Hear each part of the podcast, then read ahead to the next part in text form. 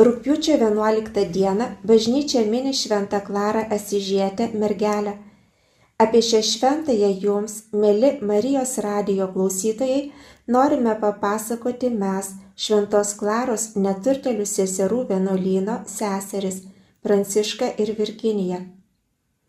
Taigi, kada ir kur gimė Šventoji Klara? Šventoji Klara gimė Italijoje, Asyžiaus mieste. Jos gimimo data buvo nustatyta pagal seserų liudijimus kanonizacijos byloje. Žinome, kad Klara mirė sulaukusi 60, o vienolinė praleido 42 metus. Taigi jos gimimo data gali būti 1193 arba 1194 metai. Klara yra kilusi iš kilmingos šeimos Labai mažai žinių yra išlikę apie jos tėvą Favaronį. Žinome tik tiek, kad jis buvo riteris. Motina Ortulana buvo pamaldi, vargšų poreikiams jautri moteris. Įdomu tai, kad ji mėgo piligriminės keliones ir buvo pasiekusi net šventąją žemę. Galime sakyti, kad ji tapo ir savo dukterų dvasinio pašaukimo dalininkė. Nežinome tiksliai kada, bet ji taip pat buvo įstojusi į Švento Damijono vienuolyną, kur tuo metu ten jau buvo Klara ir Agnietė, o vėliau prisijungė ir jauniausia duktė Beatričė. Kokia buvo Klaros asmenybė, kokie bruožai patrauklus šios vienuolijos seserims, o gal ir pasauliečiams? Klaros asmenybė geriausiai atsiskleidžia Tomo Celaniečio parengtoje pirmojoje šventosios biografijoje, vadinamoje legenda, kai buvo įprasta įvardyti viduramžiais. Ji buvo parašyta popiežiaus Aleksandro IV užsakymu, iškart po kanonizacijos 1255 metais, kad vienolyjos seseris ir pasauliečiai geriau pažintų šventąją Klarą kaip sektiną pavyzdį. Biografijoje Klara pristatoma kaip šviesulys savo meto žmonėms, nes pats jos vardas reiškia šviesi.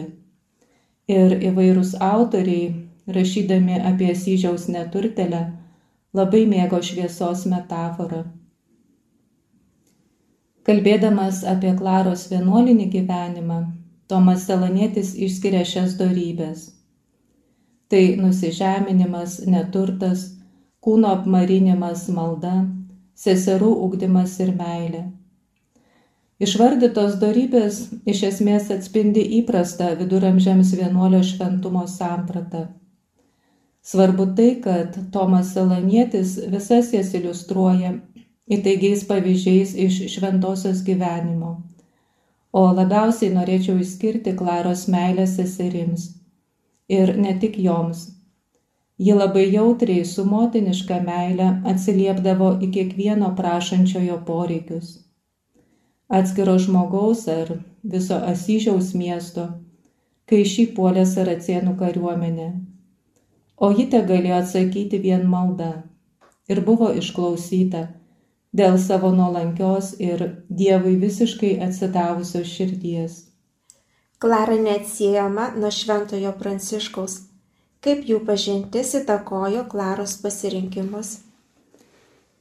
Pažintis su Pranciškumi padarė esminę įtaką Klaros gyvenime. Jauna mergina, kuriai šeima jau kūrė vestuvių planus, patraukė Dievo vyro Pranciškaus pamokslai ir jo pasirinktas radikalaus neturto kelias. Čia ypač svarbus Klaros jaunesniosios sesers Beatričės liudijimas kad šventasis Pranciškus, išgirdęs apie jo šventumo garsą, daug kartų ėjo pas ją pamokslauti. Taip įtaigiai, kad mergelė Klara paklausė jo pamokslų ir atsižadėjo pasaulio ir visų žemiškų dalykų. Ir taip greitai, kaip tik galėjo, išėjo tarnauti Dievui. Klara pardavė jai skirtą palikimą ir gautus pinigus išdalijo vargšams. 1211 arba 1212 metais, prasidedant didžiajai savaitėjai, Klara naktį pabėgo iš namų. galime klausti, kodėl ji paliko tėvų namus naktį. Nors iki minėto epizodo atrodė, kad Klaros gyvenimas tėvų namuose toliau teka įprasta vaga, galime tik spėlioti, kokią giminaičių reakciją sukėlė kraičio pardavimas. Taigi artimieji, ypač šiam žingsniui nepritaręs tėvo brolis Monaldas, galėjo laikyti Klarą griežtai prižiūrimą. Net mestina ir tai, kad Klaros artimieji sužinojo apie jos apsilankimus pas Pranciškų, į kuriuos žiūrėjo su įtarimu.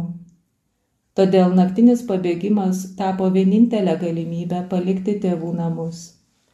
Papasakokite, kaip Klara tapo vienuolė.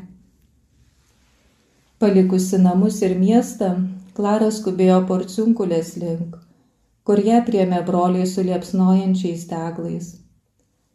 Šaltiniuose nurodyta, kad Klara lydėjo garbinga draugija, bet konkretus asmenys neįvardyti.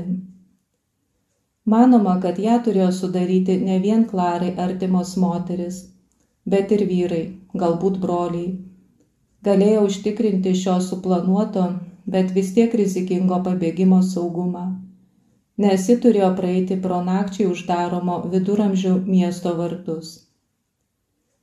Porciunkulėje Klarai buvo nukirpti plaukai, o vietoj pošnių drabužių apvilktas širkštus abetas, kartais vadinamas net gedulo rubu, citata iš laiško apie jos mirtį. Nuostabi išoriniu grožiu, turtinga gerybių, gimusi kilmingoje šeimoje, Sulaukusi vedyboms tinkamo meto, vietoj purpurinio vestuvių drabužių, panoro apsivilkti varganą abitą, gedulo rūbą vietoj nuotakos suknelės ir susijusią virvę vietoj nuotakos juostos. Gavusi atgailaus ženklus, Klara toj pat Pranciškaus buvo nuvesta į Benediktinių Švento Pauliaus vienuolyną netoli Asyžiaus Šis skubus Klaros perkelimas leidžia numanyti, kad Švento Pauliaus vienuolės taip pat žinojo apie jos pabėgimą. Ir buvo numatyta, kad mergina galės surasti laikiną priebėgą pas jas. Nes vienuolynas turėjo prieglopščio teisę ir galėjo apginti ją nuo įtūžusių giminaičių, kurie mėgino susigražinti bėglę jėgą. Klara parodė į vienuolyną įsiveržusiems vyrams galvą nukirptais plaukais ir stvėrėsi altoriaus staltiesių. Tai sustabdė įsibrovėlius, nes Dievui pasišventusios mergelės pagrobimas būtų grėsęs ekskomunika. Po prievartos jėgos buvo pasinaudota įvairiais pasiūlymais ir pažadais, turėjusiai įsitikinti Klarą atsisakyti savo sumanimo. Tomas Salanietis nurodo, kad visa tai truko keletą dienų, per kurias Klara, nenuleisdama rankų ir neprarasdama užsidėgymo, tvirtai atsilaikė prieš giminaičių neapykantą. Kita Klaros apsistojimo vieta, kur ją nuvedė broliai Pranciškus Pilypas ir Bernardas, buvo atsiskyrėlių bendruomenė prie Švento Angelo Tipanso bažnyčios. Turime labai mažai informacijos apie šią vietą. Tačiau tuo metu ten tikrai nebuvo benediktinių vienuolyno, kaip ilgą laiką buvo teigiama. Gali būti, kad jį ten prisiglaudė, kol tebe buvo tvarkomas šventas Damijonas. Švento Angelo bažnyčia svarbi dar vienu aspektu. Būtent čia prie Klaros prisijungė jos jaunesnioji sesuo Kotryna Pranciškaus pavadinta Agnietė. Dėdė Monaldas su būriu vyrų surengė dar vieną žygį, norėdamas užkirsti kelią merginos pasirižimui, sekti sesers pasirinkimu, bet ir jis baigėsi nesėkmingai. Taigi po kelių savaičių abi seseris, kaip prašo Tomas Salanietis, persikėlė prie Švento Damijono bažnyčios nuleido inkarą beveik saugiame uoste ir daugiau nebegalvojo keisti vietos, nedvėjojo dėl ankštumo, nedrebėjo dėl vienatvės. Klaros ir Pranciškaus tyra ir stipri tarpusavio meilė darė stebuklus. Yra žinoma žiemą žydinčių rožių istorija. Ką dar galėtumėte papasakoti apie juos? Kiek galime sužinoti iš šaltinių, Klara ir Pranciško visą jų pažinties laiką siejo tvirta dvasinė bičiulystė. Atrodo, kad net Klaros biografui Tomui Celaniečiui buvo kebloka prašyti pirmosius jų susitikimus, apie kuriuos atvirai kalbėjo kanonizacijos proceso liudytojai, tiek seseris, tiek pasauliečiai. Tapusi Kristaus sužadėtinė, Klara labiau pabrėžė Pranciškaus dvasinę tėvystę ir jo nuolatinę pagalbą pašaukimo kelyje. Citata iš testamento. Viešpats mums davė labiausiai palaimintą mūsų tėvą Pranciškų, kaip mūsų įkūrėją, sodintoją ir pagalbininką Kristaus tarnyboje. Ir tuose dalykuose, kuriuos pažadėjome viešpačiui ir palaimintajam mūsų tėvui. 1225 metais sergantis Pranciškus paskutinį kartą aplankė šventą Damijoną ir daugiau nei mėnesį apsistojo šalia vienuolyno. Graži detalė, kad tarp Klaros relikvijų yra išlikę jos paruošti žolynai pranciškaus žaizdoms ir apavas vinių pervertoms pėdoms. Taigi šventųjų ryšys buvo paženkl, paženklintas švelnaus rūpestingumo, kuris leido išsiskleisti jų dvasiniai tėvystiai ir motinystiai. Galbūt susitikimas su Kristumi apvertė aukštin kojomis jų jaunystės planus, bet nei Klaros, nei Pranciškaus gyvenime nėra neįsipildžiusios meilės kartėlio. Yra dvasinė šeima ir anot tyrėjų tik pranciškonams, nepaisant įvairių peripetijų, pavyko išlaikyti tokį glaudų ryšį tarp vyriškos ir moteriškos šakos. Ar yra likęs Klaros rašytinis palikimas? Žinome, kad ji buvo kilminga, išsilavinusi mergina. Klaros rašytinis palikimas yra kuklus. Jį sudaro penki laiškai ordino seserims, šventai Agnietė iš Prahos ir Ermentrūda iš Briugės, regula, testamentas ir palaiminimas. Originalių rankraščių rašytų pačios Klaros ranka nėra išlikę. Daugiausia tai nuorašai vertimai saugomi įvairių šalių archyvose. Klaros raštai iš tiesų liudyja ją buvus išsilavinusią, išmanančią skirtingų žanrų subtilybės. Pavyzdžiui, laiškai parašyti pagal viduramžių epistolografijos, regula pagal kanceliarinio dokumento reikalavimus. Palaiminimo tekstas rodo jos atidumą liturgijai o testamentas surašytas spontaniškai, nes motina kreipėsi į savo dukteris be jokių retorinių įmantrybių. Kartais dėl šios stilių įvairovės net svarstoma, kad Klara galbūt galėjo pasinaudoti sekretoriaus paslaugomis, bet nėra jokių šį teiginį patvirtinančių duomenų. Spėjama, kad galėjo būti daugiau Klaros laiškų agnietė iš Pragos, bet išlikę tik keturi paskutinis rašytas prieš pat Klaros mirtį. Be laiško Klara Gnietė skyrė ir palaiminimo žodžius. Yra žinomi du palaiminimo variantai. Vienaskaitos forma skirti Agnietei ir Ermentrūdai ir daugiskaitos forma visoms seserims. Pastarasis yra publikuotas Aidų leidyklos išleistose Klaros raštuose. Ji, kaip ir Pranciškus, pasinaudojo Senojo testamento skaičių knygos laiminimo formulę ir ją gerokai išplėtojo, atsiskleisdama kaip sparčiai augančio ordino dvasinė motina. Klaros testamentas yra tarsi viso gyvenimo apibendrinimas ir prašymas laikytis to kelio, kurį nurodė šventasis pranciškus. Sekti Dievo sunaus ir jo motinos neturtu bei nusižeminimu. Tai labai informatyvus tekstas, turintis nemažai sąsajų su kitais pranciškoniškais šaltiniais. Iš negausių Klaros raštų galime susidaryti įspūdį, kad tai savo vidumi labai turtinga ir stipri asmenybė.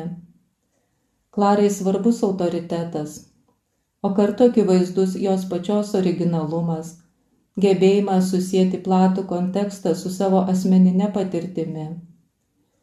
Jos tekstuose daug nuorodų išventa į raštą, patristiką, liturgiją, bažnytinės teisės dokumentus Sakyčiau, kad laiškuose Agnėtė iš Prahos ryškiausiai atsiskleidžia Klaros dvasingumas, poetinė žodžio žaismė, o kartu ir griežta pozicija kai kuriais klausimais, pavyzdžiui, dėl neturto.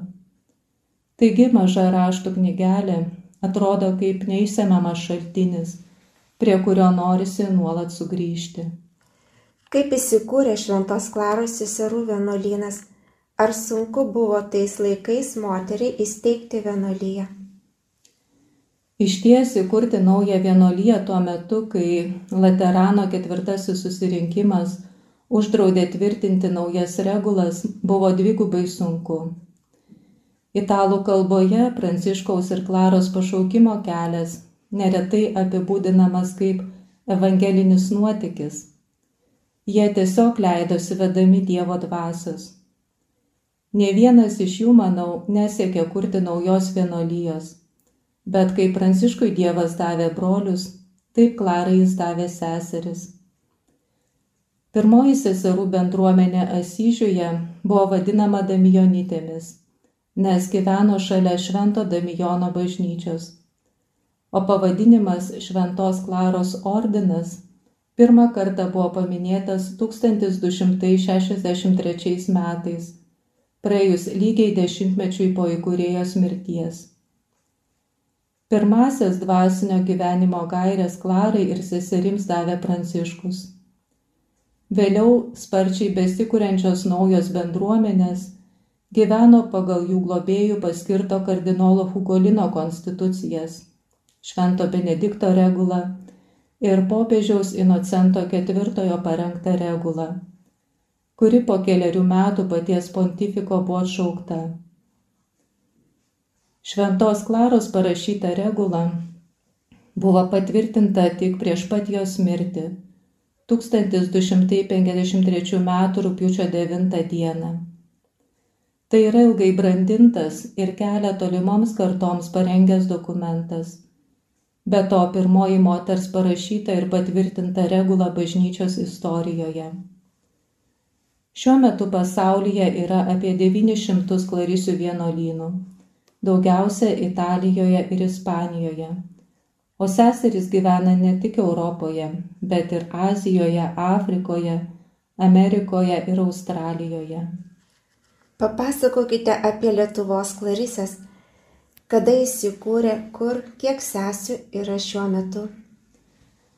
Klarisių istorija Lietuvoje prasidėjo po nepriklausomybės atkūrimo 1990 metais, kai mūsų šalyje apsilankė brolis Antonio Franič, tuometinis Veneto provincijos definitorius ir sekretorius studijų ir ugdymo reikalams.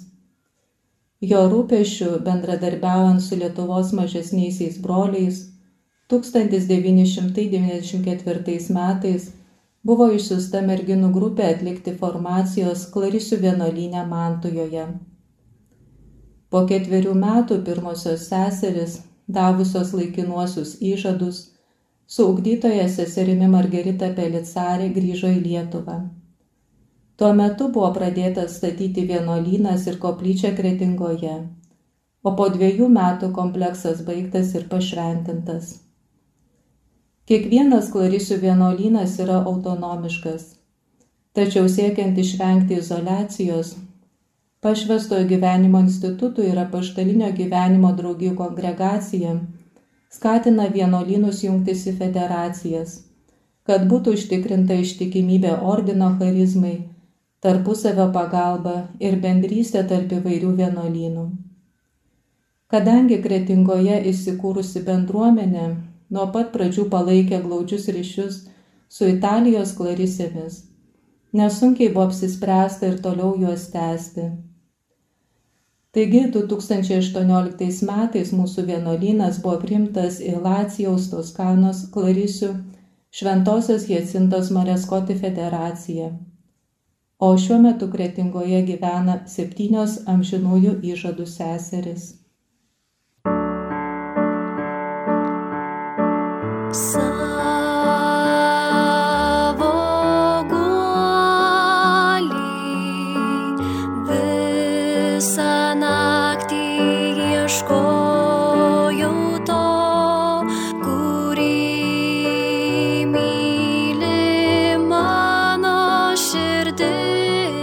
ieškojau, bet negalėjau.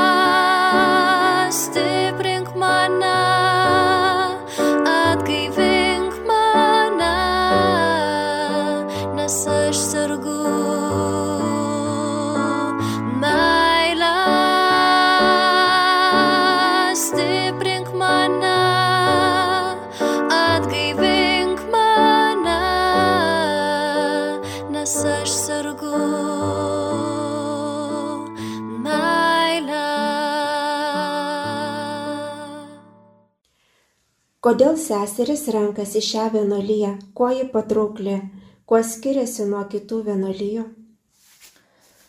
Manau, kad pats viešpats parenka vienuolinę šeimą. Mes tik atsiliepiame, juk iš jo gauname pašaukimą. Aš atėjau į šią Šventos Klaros seserų bendruomenę, nes perskaičiau katalikų žinynę, kad Šventos Klaros seserų charizma yra malda ir atgaila už bažnyčią ir pasaulį. Ir tada pasakiau, viešpatie, aš šito noriu. Jis davė įkvėpimą ir nukreipė mane per dvasios tėvą.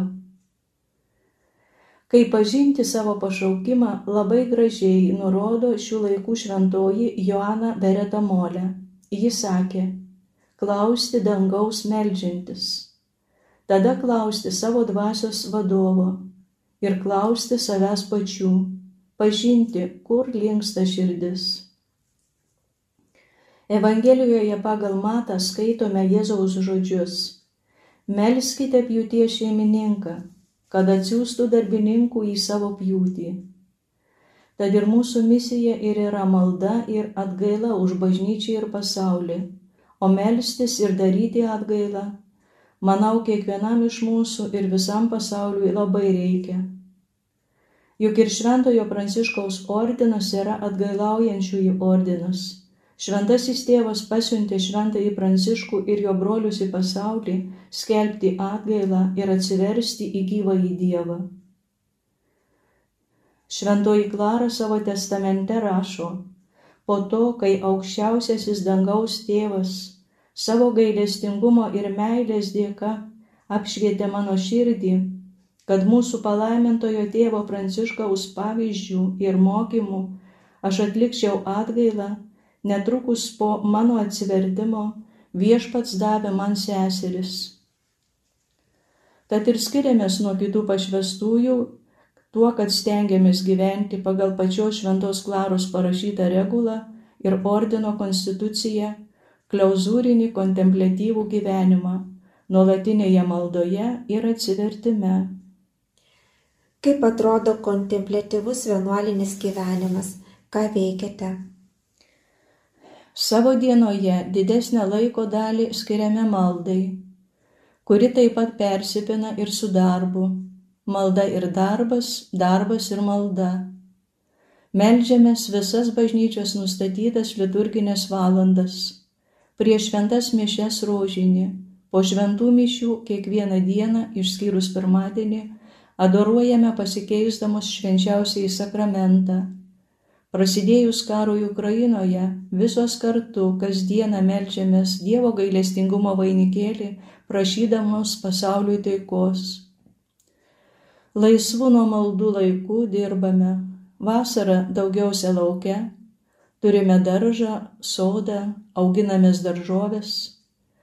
Taip pat kepame ostėjas visai viskupijai, žiemos laikotarpiu veriame rožinius ir atliekame kitus rankų darbus, siuvame, siuvinėjame, pačios gaminamės maistą, kadangi esame septynios, tai kiekvienai tenka po dieną padirbėti virtuvėje. Priimame taip pat grupės ir žmonės norinčius pasikalbėti. Kaip padrasintumėte moteris pajutusias Dievo kvietimą tylos ir maldos gyvenimui? Merginos, kurios jaučia Dievo kvietimą maldai ir atgailai, kviečiame apsilankyti pas mus, susipažinti, pasikalbėti, kartu pasimelsti mūsų koplyčioje. Na, o po to seka įdomus ir būtinas formacijos laikotarpis, kuris yra gan netrumpas, bet labai reikalingas, norint gyventi dvasinį gyvenimą, sekant mūsų viešpačių Jėzumi Kristumi.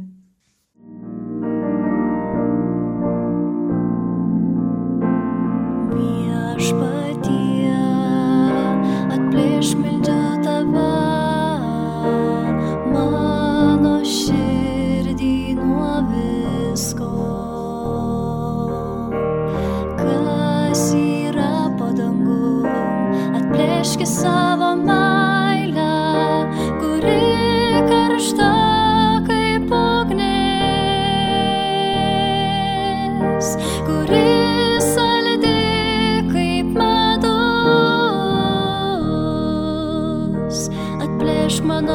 mano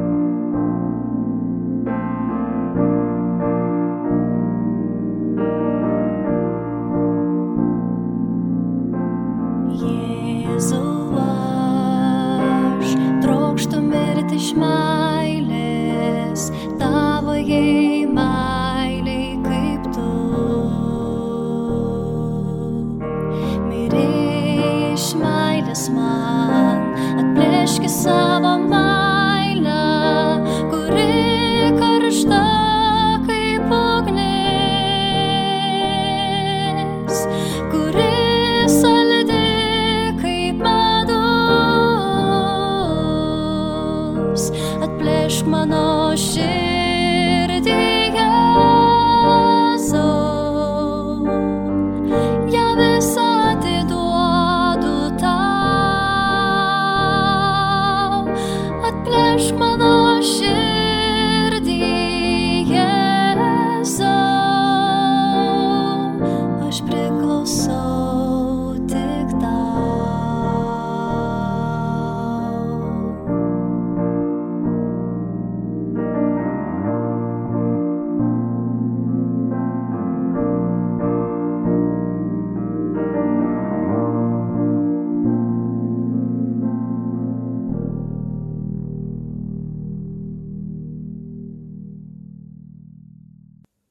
Iš Šventojios Klaros ketvirtojo laiško šventai Agnietiai iš Prahos.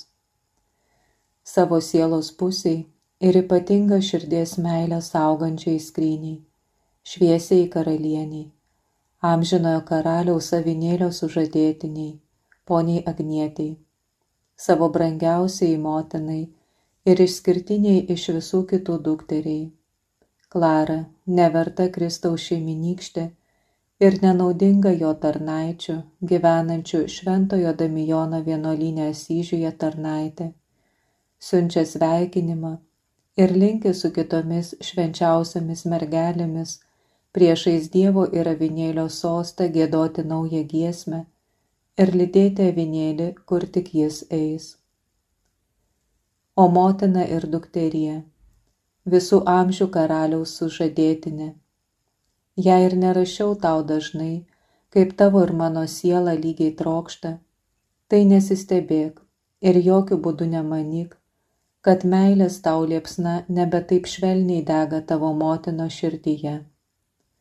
Sutrukdė štai kas - pasiuntinių trūkumas ir keliuose tykantis aiškus pavojai.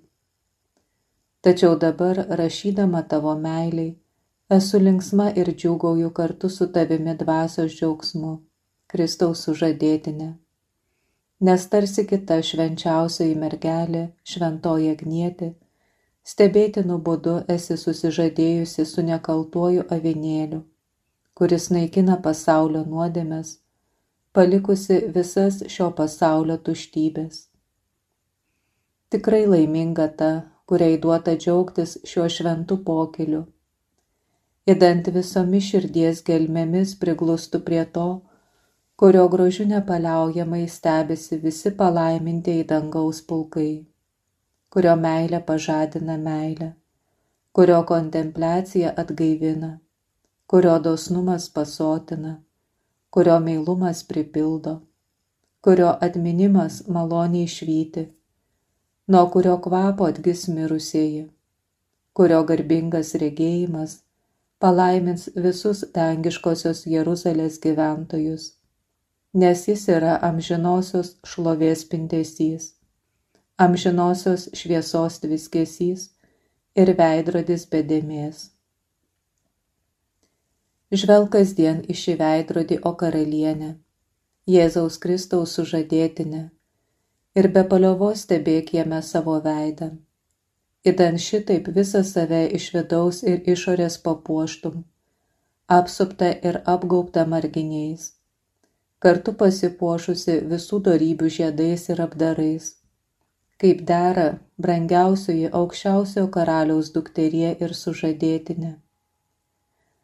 O šiame veidrodyje spindi palaimintas neturtas, šventas nusižeminimas ir neapsakoma meilė ir tai su Dievo malone tu galėsi kontempliuoti visame veidrodyje.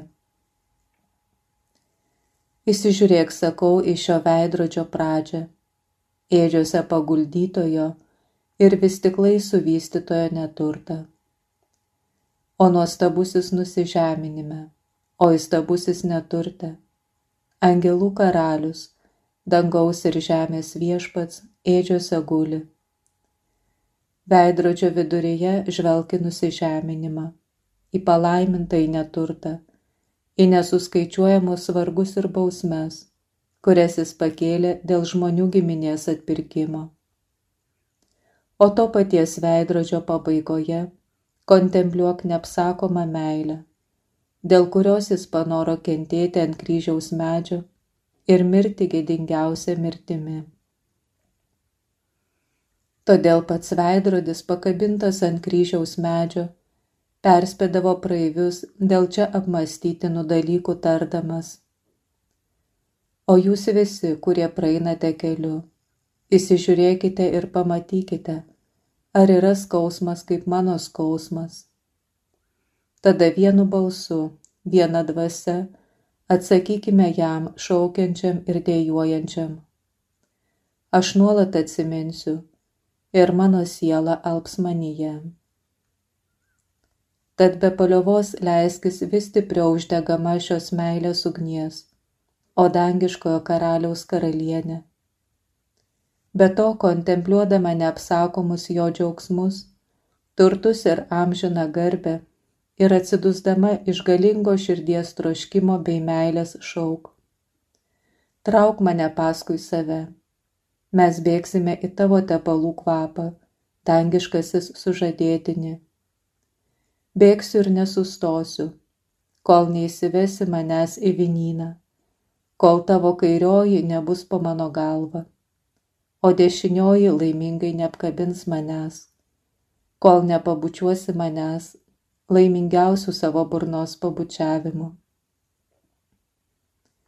Atsidėjusi šiai kontempliacijai, atmink savo neturtelaitę motiną, žinodama, kad aš tavo laimingą atminimą neištrinamai įrašiau savo širdies plokštėse, brangindama tave labiau už visus. Ką daugiau pridurti? Te nutyla meilėje tau kūno liežuvis, te kalba dvasios liežuvis. O palaimintoji dukterie, kadangi meilės, kurią tau jaučiu, niekaip geriau negalėtų išreikšti kūno liežuvis, prašau tavęs, kad palankiai ir su atsidavimu priimtum tai, ką aš tik pusiautę užrašiau, išvelgdama tame bent jau motinišką švelnumą, dėl kurio kiekvieną dieną degu meilę tau ir tavo dukterims, kurioms kuo labiausiai pavesk mane ir mano dukteris Kristuje. O mano dukteris ir ypač išmintingoji mergelė Agnietė, mūsų sesuo, pačios kiek galėdamos paveda save viešpatyje tau ir tavo dukterims. Lik sveika, brangiausioji dukterie, su savo dukterimis, iki pat didžiojo Dievo šlovės sosto ir melskite už mus. Atsisveikiname su Marijos radio klausytojais. Su jumis šią valandą buvo Šventos Klaros neturtelių seserų ordino seseris Elizabeta, Pranciška ir Virginija. Su Dievu.